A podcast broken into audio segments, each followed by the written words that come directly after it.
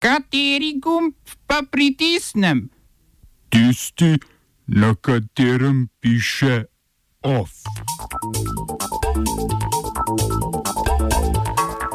Samooklicani venezuelski predsednik Juan Guaido v Kolumbiji ponovno išče ameriško podporo. V Bologni množični protesti proti deželnim volitvam. Kdo bo novi slovenski obrambni minister? Zajča lukna v Cankarevem domu.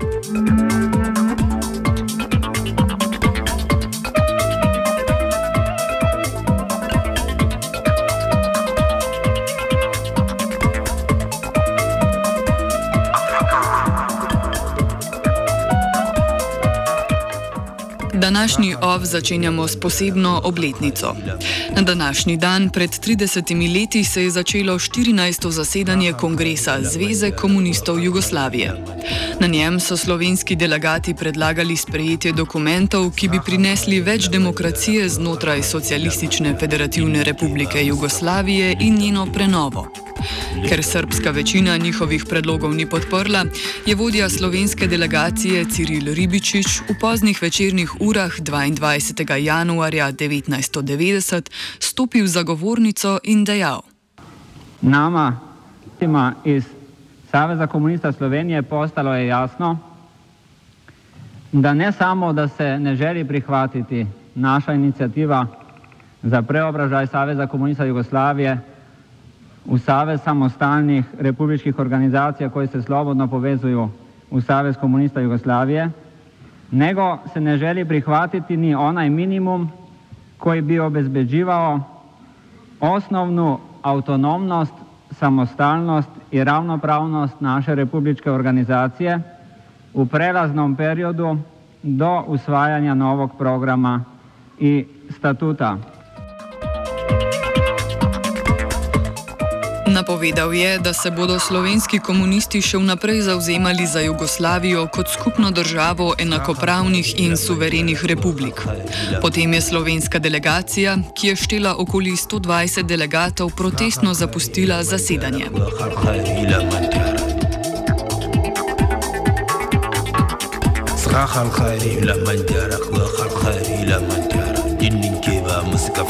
Lindon Durin Lyndon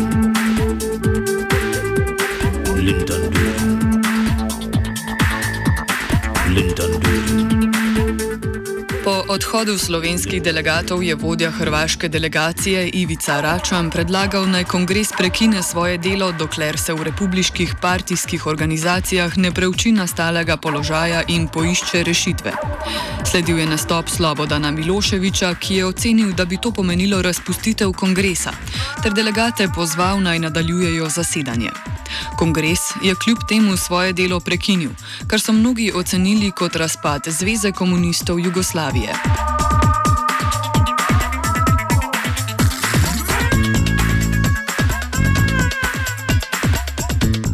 Finančni ministri Evropske unije, z izjemo Velike Britanije, so na prvem letošnjem zasedanju v Bruslju nadaljevali razpravo o reformi območja evra.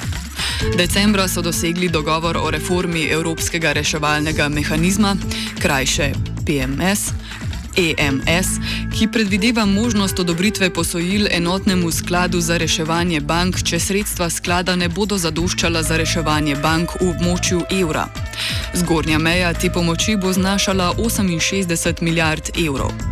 Podpis spremenjene pogodbe EMS je predviden za marec, njena ratifikacija članic Unije pa bo trajala še vsaj leto dni.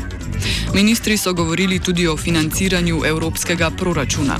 Še vedno je namreč odprto vprašanje financiranja iz zunanjih virov na podlagi medvladnega sporazuma. Končno odločitev naj bi sprejeli v okviru pogajanj o večletnem proračunu Evropske unije za obdobje 2021 in 2027, ki bo potekalo na zasedanjih februarja in marca.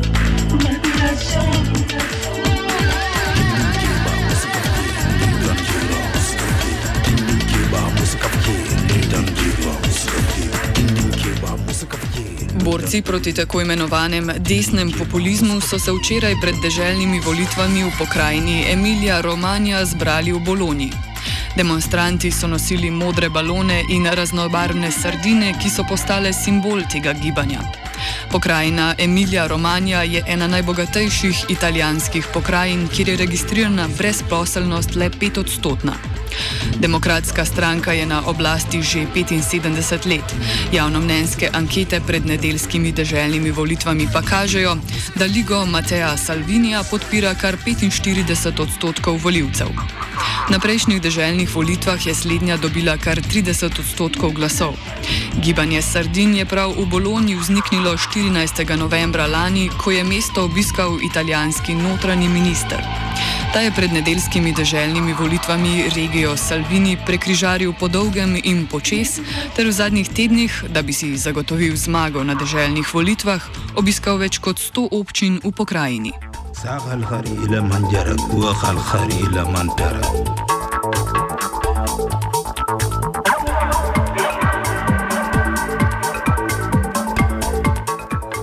Protestirali so tudi v Parizu in sicer proti osnutku zakona o oploditvi z biomedicinsko pomočjo.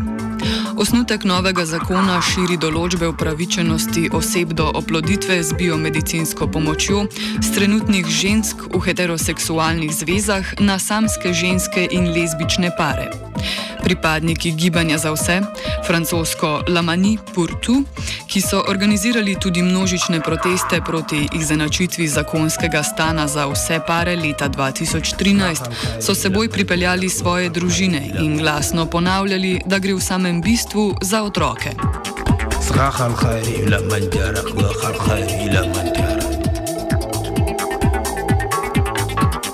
Zrahal khairi la manjara, khal kafke lindan duri Venezuelski opozicijski politik Juan Guaido in samo oklicani predsednik Venezuele je včeraj ponovno prekršil prepoved zapuščanja države in ilegalno prečkal mejo v Kolumbijo, da bi se srečal z ameriškim zunanjim ministrom Mikeom Pompeom. Guaido, ki kljub državnemu udaru in podpori Združenih držav Amerike v Venezueli ni uspel prevzeti oblasti, išče podporo zaveznikov. Po srečanju naj bi odpotoval na svetovni gospodarski forum v švicarski Davos.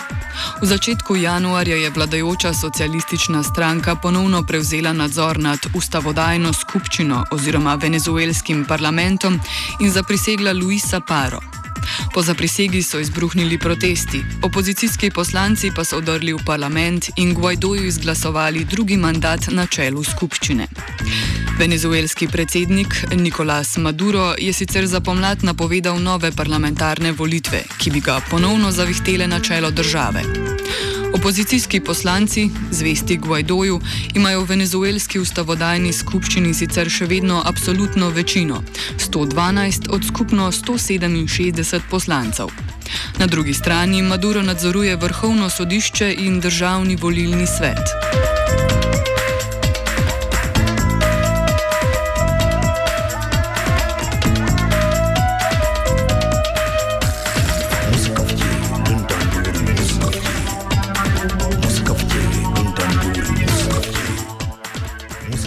Selimo se v Kanado. Meng Guangzhou, finančna direktorica Huawei, ki je bila decembra 2018 aretirana v Kanadi ob prestopu na letalo, namenjeno v Mehiko, bo danes v Kanadi izpodbijala izročitev ZDA. Tam je obtožena domnevnega kršenja sankcij proti Iranu z namernim zavajanjem bank o dejanskih poslih Huawei v Iranu. Kanadsko sodišče bo danes poskušala prepričati, da so očitki ZDA politično motivirani. Spomnimo, Wanzhou naj bi banko HSBC z lažnimi navedbami o poslih v Iranu izpostavila tveganjem kršitve ameriških sankcij. Z aretacijo najstarejše hčerke ustanovitelja Huawei, Rena Jongfeja, se je Kanada znašla sredi ameriško-kitajske trgovinske vojne, ki sta jo velesili pred kratkim omilili s podpisom dela trgovinskega sporazuma. Kitajska se je na aretacijo sicer odzvala s povračilnimi ukrepi. Aretirali so nekdanjega kanadskega diplomata Michaela Cowriga in poslovneža Michaela Spevora, ki sta delovala v Severni Koreji ter ju obtožili vohunjenja. Kitajska predlaga izmenjavo Wangzhou za zaprta Kanačana. Uh, oba, če, bom odgovoril na angliški. Uh, uh, Slovenija bo poskušala pomagati. Slovenija bo naredila naš utmost, da bo rekla, da je situacija naš problem, ourselves. In da bomo naredili nadaljnje korake, as soon as the conditions are. Bomo vlado Marjana Cererja, Marjana Cererja Šarca podprli. Zelo, zelo resno. Slovenija. We know how and we will.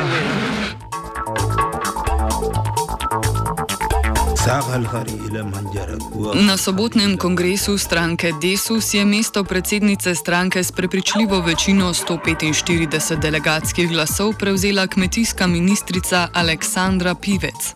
Dosedanji predsednik Karel Erjavec, ki je stranko vodil za vidljivih 15 let, je ob tem napovedal tudi sestop z ministerskega prestola.